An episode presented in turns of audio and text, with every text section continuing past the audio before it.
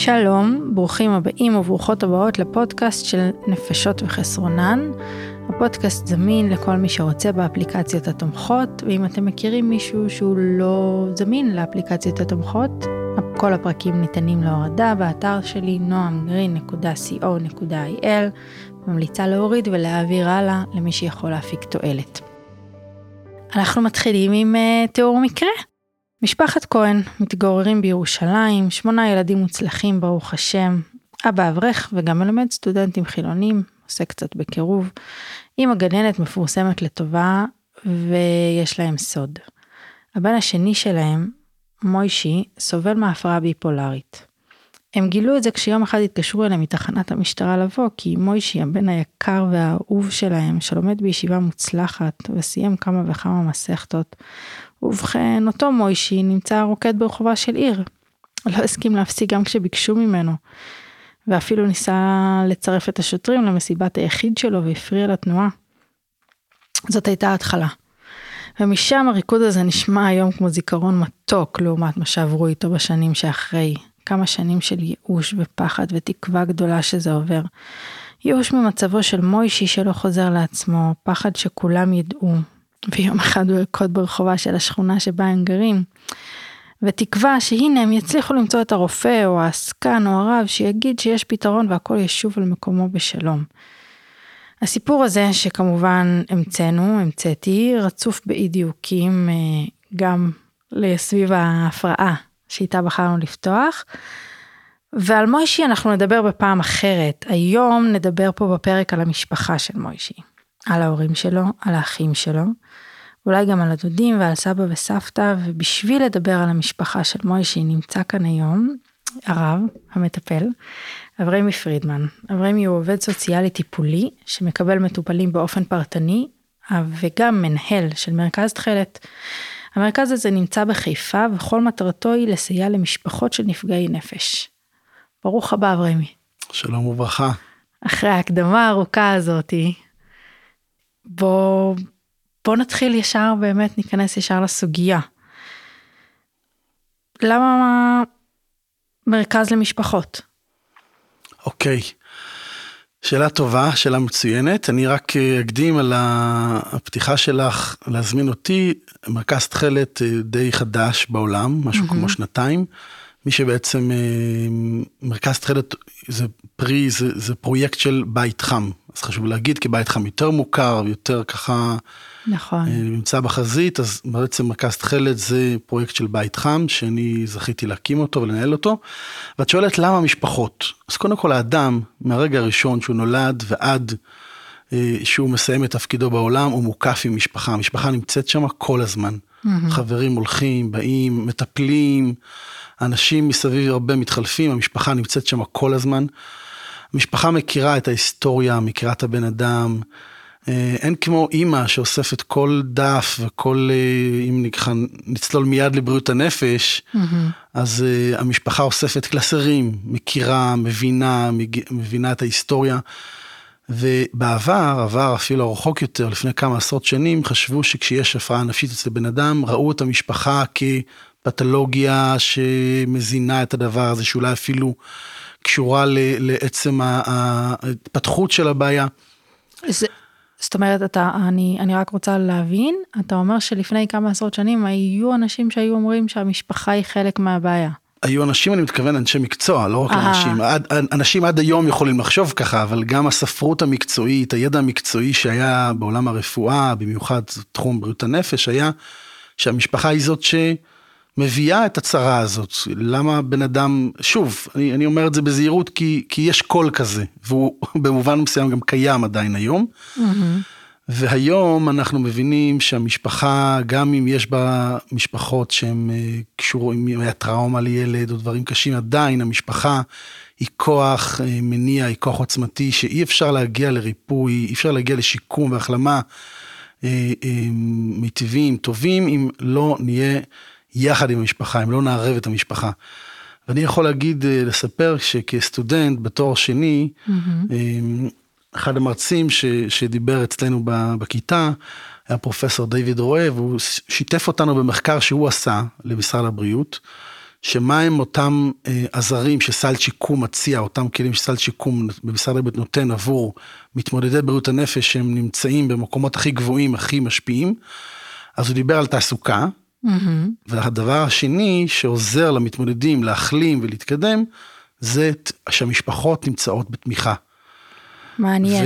והם מדברים על זה שמשפחות שנמצאות בתמיכה ובקשר uh, טיפולי ונעזרים, יש פחות אשפוזים, פחות בעיות.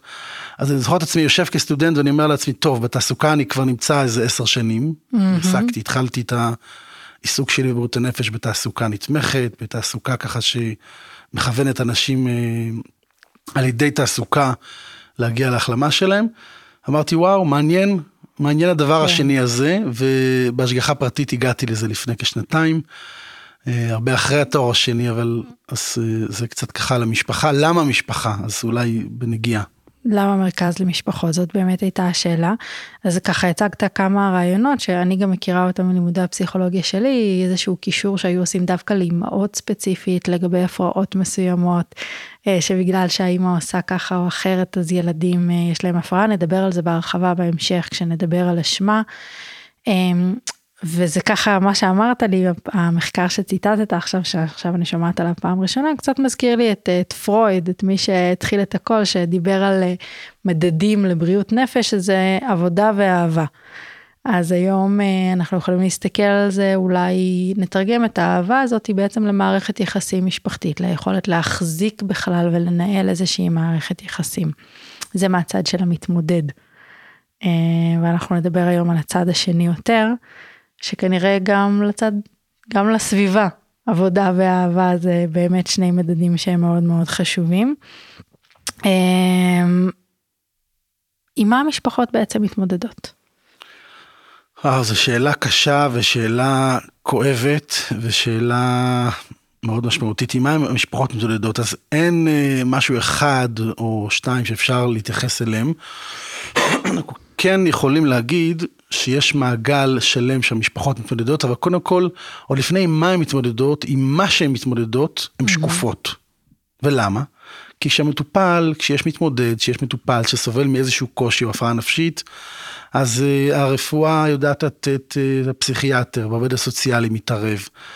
ויש uh, עובד שיקום כזה ועובד אחר ומרפא בעיסוק, אבל כשהמתמודד מגיע עם המשפחה, הרבה פעמים גורמי הגורמים הרפואיים והשיקומיים רואים את המשפחה כנטל, וזה שוב פעם מחזיר אותי למילה הקודמת, כן. והם מתמודדים. הם מתמודדים קודם כל עם בושה מאוד גדולה, mm-hmm. עם פחד מהבאות, עם חוסר ידיעה, להבין מה זה אומר. ישבתי עם אה, זוג הורים לפני כמה חודשים, והאימא ניסתה להגיד, אה, שאלתי מה ההבחנה, מה, מה, מה קורה עם הבן, אז היא לא ידעה אפילו להגות את המילה סכיזופרניה. זה היה נשמע לה משהו כזה תלוש, לא ברור, חוסר ידע. אנחנו כן. מדברים על המגזר החרדי, אז עוד יותר חוסר הידע, אין נגישות כל כך ל- ל- למדיה כן. ולחומרים מקצועיים, אז ידע, הבנה של מה קורה פה, כמה זמן זה ילך, מה התהליכים, מה נכון לעשות, מה פחות נכון, ידע, הרבה אשמה, בושה. תסכול, פחד, תחושה של אובדן.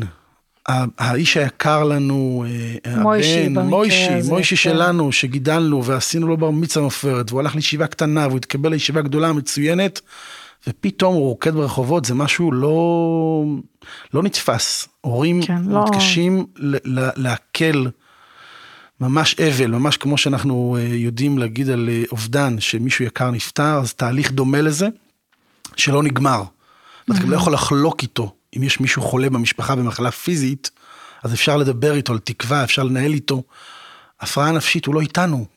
הרבה פעמים. לרגעים. מסוימים, לא. לפעמים הוא לא איתנו. או שאנחנו פוחדים שהוא לא יהיה איתנו. מוישי הוא כן, איבדנו אותו. הוא איתנו פיזית, אבל לרגעים מסוימים, כשאנחנו נקראים מהמשטרה, ואנחנו מבקרים אותו באשפוז, הוא לא, הוא לא מחובר לעצמו, מנותק מעצמו, מנותק מהסביבה, וזה אובדן וזה כאב. אני רוצה רק להוסיף לדברים שאמרת, שאני לא מכירה אותם מהמקום המקצועי שלך, אבל אה, הזכרת ככה את הקושי, אה, אחד מנקודות הקושי שמשפחות מתמודדות איתן, זה שזה חוסר ידע. ובאמת מערכת הבריאות שלנו בישראל שהיא מערכת ציבורית אה, מפוארת אנחנו לא תמיד מעריכים את זה אבל עדיין פסיכיאטר לרוב יכול לראות מטופל 10 דקות. אין לו באמת זמן גם להסביר לנו כל מיני מונחים אה, והחוסר ידע הזה זה משהו שהוא באמת מרגיש הרבה פעמים מאוד מאוד אה, מתסכל ומפחיד. וגם אה, הזכרת כבר כמה פעמים סל שיקום, יש לנו פרק נפרד בעונה הקודמת עם עובדת סוציאלית חני בארי על סל שיקום, ואני מפנה את המטופלים שלנו שלא מבינים על מה אנחנו מדברים, לקבל ידע אה, מקצועי וטוב על מה זה. אה, אם אתה רוצה ככה להגיד במשפט אחד, שאנחנו נבין, כשהמאזינים שלא יודעים מה זה סל שיקום. אוקיי, okay, הסל שיקום בעצם זה... סל שמשרד הבריאות נותן עבור מתמודדים שמוכרים בביטוח הלאומי, אחרי שביטוח לאומי קבע שהם מאובחנים עם הפרעה נפשית, הם זכאים לקבל במדינה את הסל הזה, שהסל כולל בתוכו מגוון שירותים שעוזרים לבן אדם להשתלב חזרה בקהילה, החל מדיור, תעסוקה, חברה, פנאי, לימודים. אה, עוד כמה דברים שהם אה, טיפול שיניים או איזשהו מוצר שאפשר לקנות תחת לכמה שנים. הוא סל מאוד רחב שהבן אדם צריך לרצות אותו. כן. שונה משירותים אחרים. אז הוא לא מתאים לכל אחד. הוא לא מתאים לכל אחד, הוא צריך להיות אה, זה, אבל הרבה מאוד אנשים, אין לנו ספק, יכולים וזכאים לקבל את זה ולא מקבלים. כן. אם יש לנו במדינה, לדעתי קרוב ל-300 אלף מאובחנים על ידי ביטוח לאומי מוכרים בבריאות הנפש, מתוכם בסל שיקום נכון ל-2021, בסך הכל 28 אלף מגיעים וואו. לקבל את השירותים, זאת אומרת שיש פער מאוד גדול. ואת דיברת קודם על השירותים הרפואיים המעולים במדינת ישראל.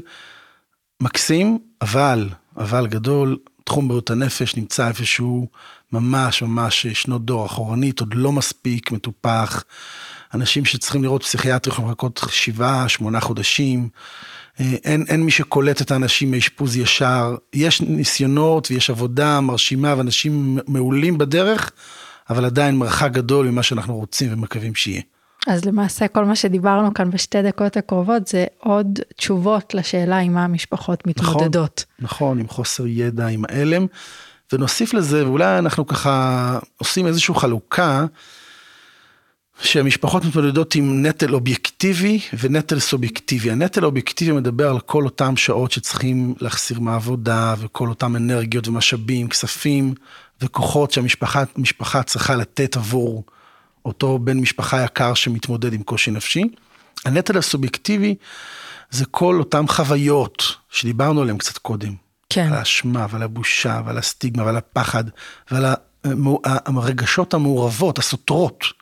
מצד אחד אהבה מאוד גדולה, רצון להושיע ולעזור. פחד מצד שני, כעס ותסכול mm-hmm. ואפילו רגעים של שנאה.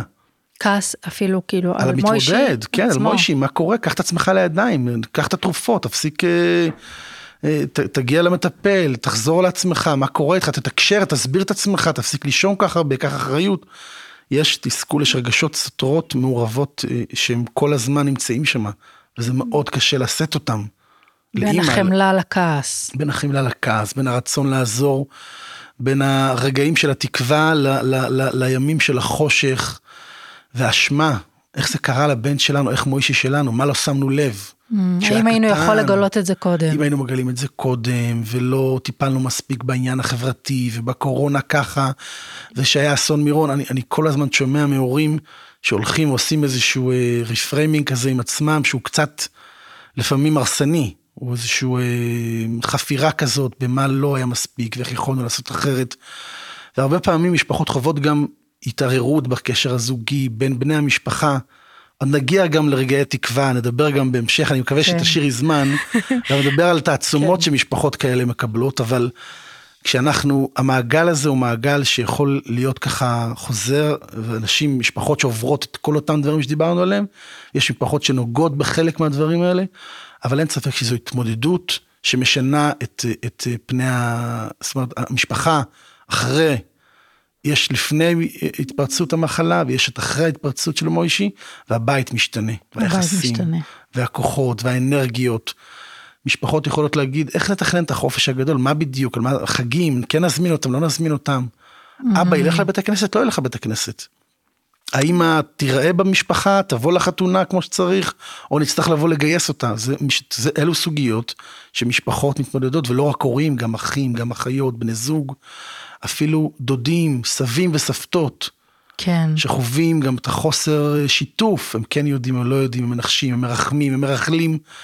יש התמודדות מאוד מורכבת ולא פשוטה שמשפחות מתמודדות, ולא רואים אותה מספיק. וגם כשדיברנו על סל שיקום, הסל שיקום כבר לפני 20-22 שנה יצא לאוויר העולם, בעוד המשפחות והשירות שאנחנו מדברים על מרכז תכלת, mm-hmm. הוא משהו שרק בעשור האחרון אה, אה, הבינו והתחילו לצאת איתו. כמה אנשים פונים, כמה משפחות ברחבי הארץ פנו. אין לי מספרים מדויקים, אבל לא הרבה. Mm-hmm. אם דיברנו קצת על מספרים קודם, אז נגיד שאם יש 200-300 אלף, בין 200 ל-300 אלף אה, אנשים מתמודדים עם בריאות הנפש בארץ, נעשה חשבון פשוט, נגיע לקרוב למיליון איש שקשורים אליהם, הורים, אחים, אחיות, לא הגיעו בסך הכל... אה, לא הגיע מיליון. לא הגיע מיליון איש למרכזי משפחות בארץ, והם זכאים והם יכולים. בוא נגיד על זה מילה. כן. מחקר שמראה שאנשים בכלל פונים לטיפול נפשי, ממוצע של ארבע שנים, עד שמכירים שיש בעיה, עד שפונים לקבל עזרה. Mm-hmm.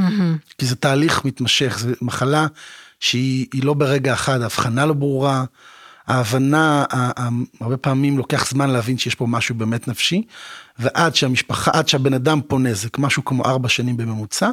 משפחות, למשפחות שכן הגיעו לקבל עזרה, לוקח ממוצע של שבע שנים. לבוא ולהבין שהם עזרה. צריכים לקבל עזרה. אז בוא נדבר, התחלת מספרים, אז קצת על מה בעצם קורה לבני המשפחה שחשופים למתמודד נפש. אם ברמה, כאילו, אנחנו יודעים שיש הרי מחקרים שמדדו סטרס, ומדדו אה, מה שנקרא הפרעה שניונית. אה, אני מתארת לעצמי שיש הבדלים קצת בין להיות ילד להורים אה, שמתמודד לבין להיות אח, אבל בוא נשמע קצת מה, מה בעצם, על מה אנחנו מדברים פה. אוקיי, okay, אז, אז מאוד משנה ובאיזה שלב המשפחה מגיעה, mm-hmm. מתי מגיעה, המשפחה מביאה את עצמה, כן. מה, מה היא מבינה שהיא רוצה, אבל יש איזושהי חוויה שהיא מאוד חוזרת על עצמה עם משפחות, שהחוויה היא ממש חוויה של פוסט טראומה. פוסט טראומה כי ראיתי את אבא שלי בהתקף פסיכוטי? כי ראיתי את אבא שלי, כי בפינה הזאת פה הוא דחף, כי פה המשטרה, כי ביום הזה, בתאריך הזה, הריח הזה מזכיר לי את זה, אני חוזר לשם, חוויה של אי שקט. Mm-hmm. חוויה של מתח, של סטרס, של דאגה שממש דומה לפוסט טראומה, כמו שפוסט טראומה מוכרת לנו מהעולם של פוסט טראומה, אם זה מלחמות ואם זה דברים אחרים, ואם זה פגיעות. החוויה מאוד מאוד דומה, ממש של פוסט טראומה, זאת החוויה של המשפחות. וואו. זה קשה. זה כבד, לי, זה כבד, כבד לשמוע את זה. זה כבד, זה, זה, זה, זה לא נשמע, ויש הרבה פעמים משפחות שגם uh, מתכחשות לזה, אבל זאת החוויה. עכשיו, אמ, חיפוש אחר משמעות, אחר הבנה, אחר אמ, הבדידות, הבדידות, משפחות שמתמודדות עם זה לבד, כי זה לא לגיטימי לבוא לספר בגינה, אפילו לא סיפור של מוישי, הסיפור שלנו. אישה שחוותה דיכאון אחר לידה, שאפשר לטפל בו, אפשר לעזור לה ויכולה לחזור לעצמה, כן. היא לא תרגיש בנוח לשבת בגינה ולספר לחברה שלה שזאת הבחנה שהיא קיבלה כרגע, שמתמודדת עם זה. Mm-hmm. אנחנו גם לא רואים בכניסה למחלקות פסיכיאטריות אה, פרחים שמוכרים שם. כן. או, או משמרות שמשפחות עושות, כי לא מספרים, לא מדברים, לאח הזה יגידו, לאח הזה לא יגידו. לסבא והסבתא לא, לא יספרו, לדודים בטח לא נגיד. אנחנו נרחיב על זה. של מאוד בדידות, נרחיב על זה, נכון, נרחיב שנדבר. על זה, על זה מאוד, אבל אני מנסה באמת לחשוב אם הרי עכשיו מאזינים לנו ומאזינות לנו גם אה, אנשים ונשים שמתמודדים עם מה, ש, עם מה שאתה מתאר פה, עם מה שאנחנו מדברים עליו. הם אומרים, בסדר, יש את המשפחות שלוקחות את זה קשה, אנחנו בסדר. הנה, אני מסתכלת על כל uh, שמונת האחים של מוישי. נכון, לי קצת קשה, ובעלי לא ישן קצת, ואנחנו לא יודעים מה עם השידוכים של חני הגדולה, אם כן לספר או לא לספר, עם איזה רב להתייעץ, הראש כהל קצת מכיר אותנו יותר מדי. אבל הנה הכל בסדר. אוקיי, okay, אז קודם כל אני, אה, שתי דברים. דבר ראשון, אני פוגש אנשים כאלה, mm-hmm. ואני באמת אה, נפעם מולם ואני לומד מהם, ואני מזמין את אותם אנשים ששומעים אותנו ואומרים הכל בסדר אצלנו, בואו. תלמדו אותנו מהידע שלכם, בואו תשתפו אחרים, בואו תעזרו למשפחות אחרות שאצלהם לא כל כך הכל בסדר. אדרבה, כן. תביאו את זה. ואני לא רוצה להיות, אה, להישמע מבשר הרע, או, או, או, או להיות החלטי בעניין, אבל הרבה פעמים הכל יכול להיראות בסדר, ואנחנו מאוד רוצים לראות שהכל יהיה בסדר, אבל איפשהו בשלב מסוים בחיים, זה, זה, זה קופץ, זה עולה, זה מגיע, ולא תמיד צריך מיד לרוץ לטפל, ולא כולם צריכים לבוא ומיד להגיע, אבל כן תהיו ערנים לעצמכם, לסביבה שלכם, לעוד אחים, עוד אחיות, כי לא כולם מקבלים את זה אותו דבר. אני יכול להיזכר רגע בבחורה שהגיעה אלינו, אה, וישבה אצל מטפלת במרכז, וסיפרה לה שהיא, מאז שהיא מגיל מאוד קטן, היא יודעת שיש לה אח כזה כמו מוישי, שלצערנו לא מצליחים לאזן אותו מספיק טוב, היא לא יכולה להביא חברות הביתה, היא תמיד צריכה להרחיק אותם ולא לדבר על זה, והיא בעצמה שוקלת בכלל אם לעבור לשלב של שידוכים, כי היא קצת מסויטת מהעניין הזה, היא פוחדת. כן, את מי תביא לבית ומה הוא יראה. וגם בכלל, כל הדבר הזה של להתחתן, אם היא מכירה אח אחד מאוד מוצלח שפתאום חרב עליו עולמו ויחד איתו עוד המשפחה ככה סופגת, וזה מאיים, לא אצל כולם זה כזה נחמד וכזה יפה. לא תמיד זה ככה, וזה גם מאוד, מאוד גלים, זה מאוד uh, תקופות, מאוד מצבים. זה באמת מזכיר לי את מה שאמרת ככה בכמה מילים על פוסט טראומה, ואני עם הרקע הנוירו-פסיכולוגי שלי על, על איפה זיכרונות נמצאים ומה התפקיד שלהם, אז, אז אנחנו שמחים שיש אנשים שמרגישים שהכל בסדר, אבל אולי שווה בכל זאת להגיע ולשמוע, ומה בעצם אתם מציעים להם? מתקשרת אימא של מוישי, שהיא היא זאתי שמוכנה בכלל לדבר על זה, כי אבא שלו לא, לא מדבר על זה בכלל. והיא אומרת, אה, אני, אני מרגישה שאנחנו צריכים עזרה. המשפחה, לא רק אני. מה, מה קורה במרכז כשיש פנייה כזאת? בסדר, אז כשמגיעים למרכז, קודם כל פוגשים אה, איש מקצוע, Mm-hmm. משרד הבריאות מתקצב את זה בחינם קודם, חשוב להגיד. אני לא עושה פה שיווק למשהו שלהוציא כסף מאנשים. כן. אני מזמין אנשים שזה מגיע להם, כי משרד הבריאות הבין את החשיבות mm-hmm. ואת הדחיפות של העניין, ומשרד הבריאות נכון להיום מממן את זה, אמנם זה לא משהו ארוך מאוד, מדובר על שישה, שמונה מפגשים שכל בן משפחה זכאי, כשמגיעים זוג זה כבר נהפך ל-12 מפגשים, משפחה יכולה כמו כל אחד, כל נפש. משפחה עם שבעה ילדים? כן, כל okay. אחד אוקיי. יקבל את המספר מפגשים שלו, אפשר גם להשתמש בזה ביחד. והם מקבלים קודם כל אוזן קשבת, הם mm-hmm. מקבלים כתף, הם מקבלים איש מקצוע שיושב איתם ונמצא איתם שמה, ו- ושומע אותם, ומנסה להבין איתם ביחד איך הם מספרים לעצמם את הסיפור הזה, mm-hmm. מה התפקידים שהם מחלקים לעצמם בבית, איך הם מארגנים את הסיפור הזה מחדש, מה זה אומר עליהם. כן. איש המקצוע בודק איתם יחד על מה הם רוצים לעבוד. יהיו אנשים שירצו לעבוד על הנושא הזה של הבושה או הסטיגמה, יהיו אנשים שירצו לעבוד על איך לשים גבולות, על נפרדות, mm-hmm. על לעשות איזושהי הפרדה, רגע זה שלו זה שלי, להפסיק לקחת אחריות, להפסיק לדאוג, להפסיק להיות באובססיה הזאת שכל הזמן כן. לעשות עבורו. והדבר הכואב יותר שאנחנו פוגשים משפחות שיש להם בן או בת או מישהו שם במשפחה שמסרב לטפל בעצמו, זה כאב מאוד גדול. כן. שאין מודעות ואז לפעמים מורה אחד עושה את כל העבודה, ועשו גם בלהסתיר את זה וגם בלקחת את התפקידים. והלבד הזה זה, זה הרסני. הבדידות זה ממש תחושה קשה שמייאשת ומחסמת ו, ומפריעה לתפקוד.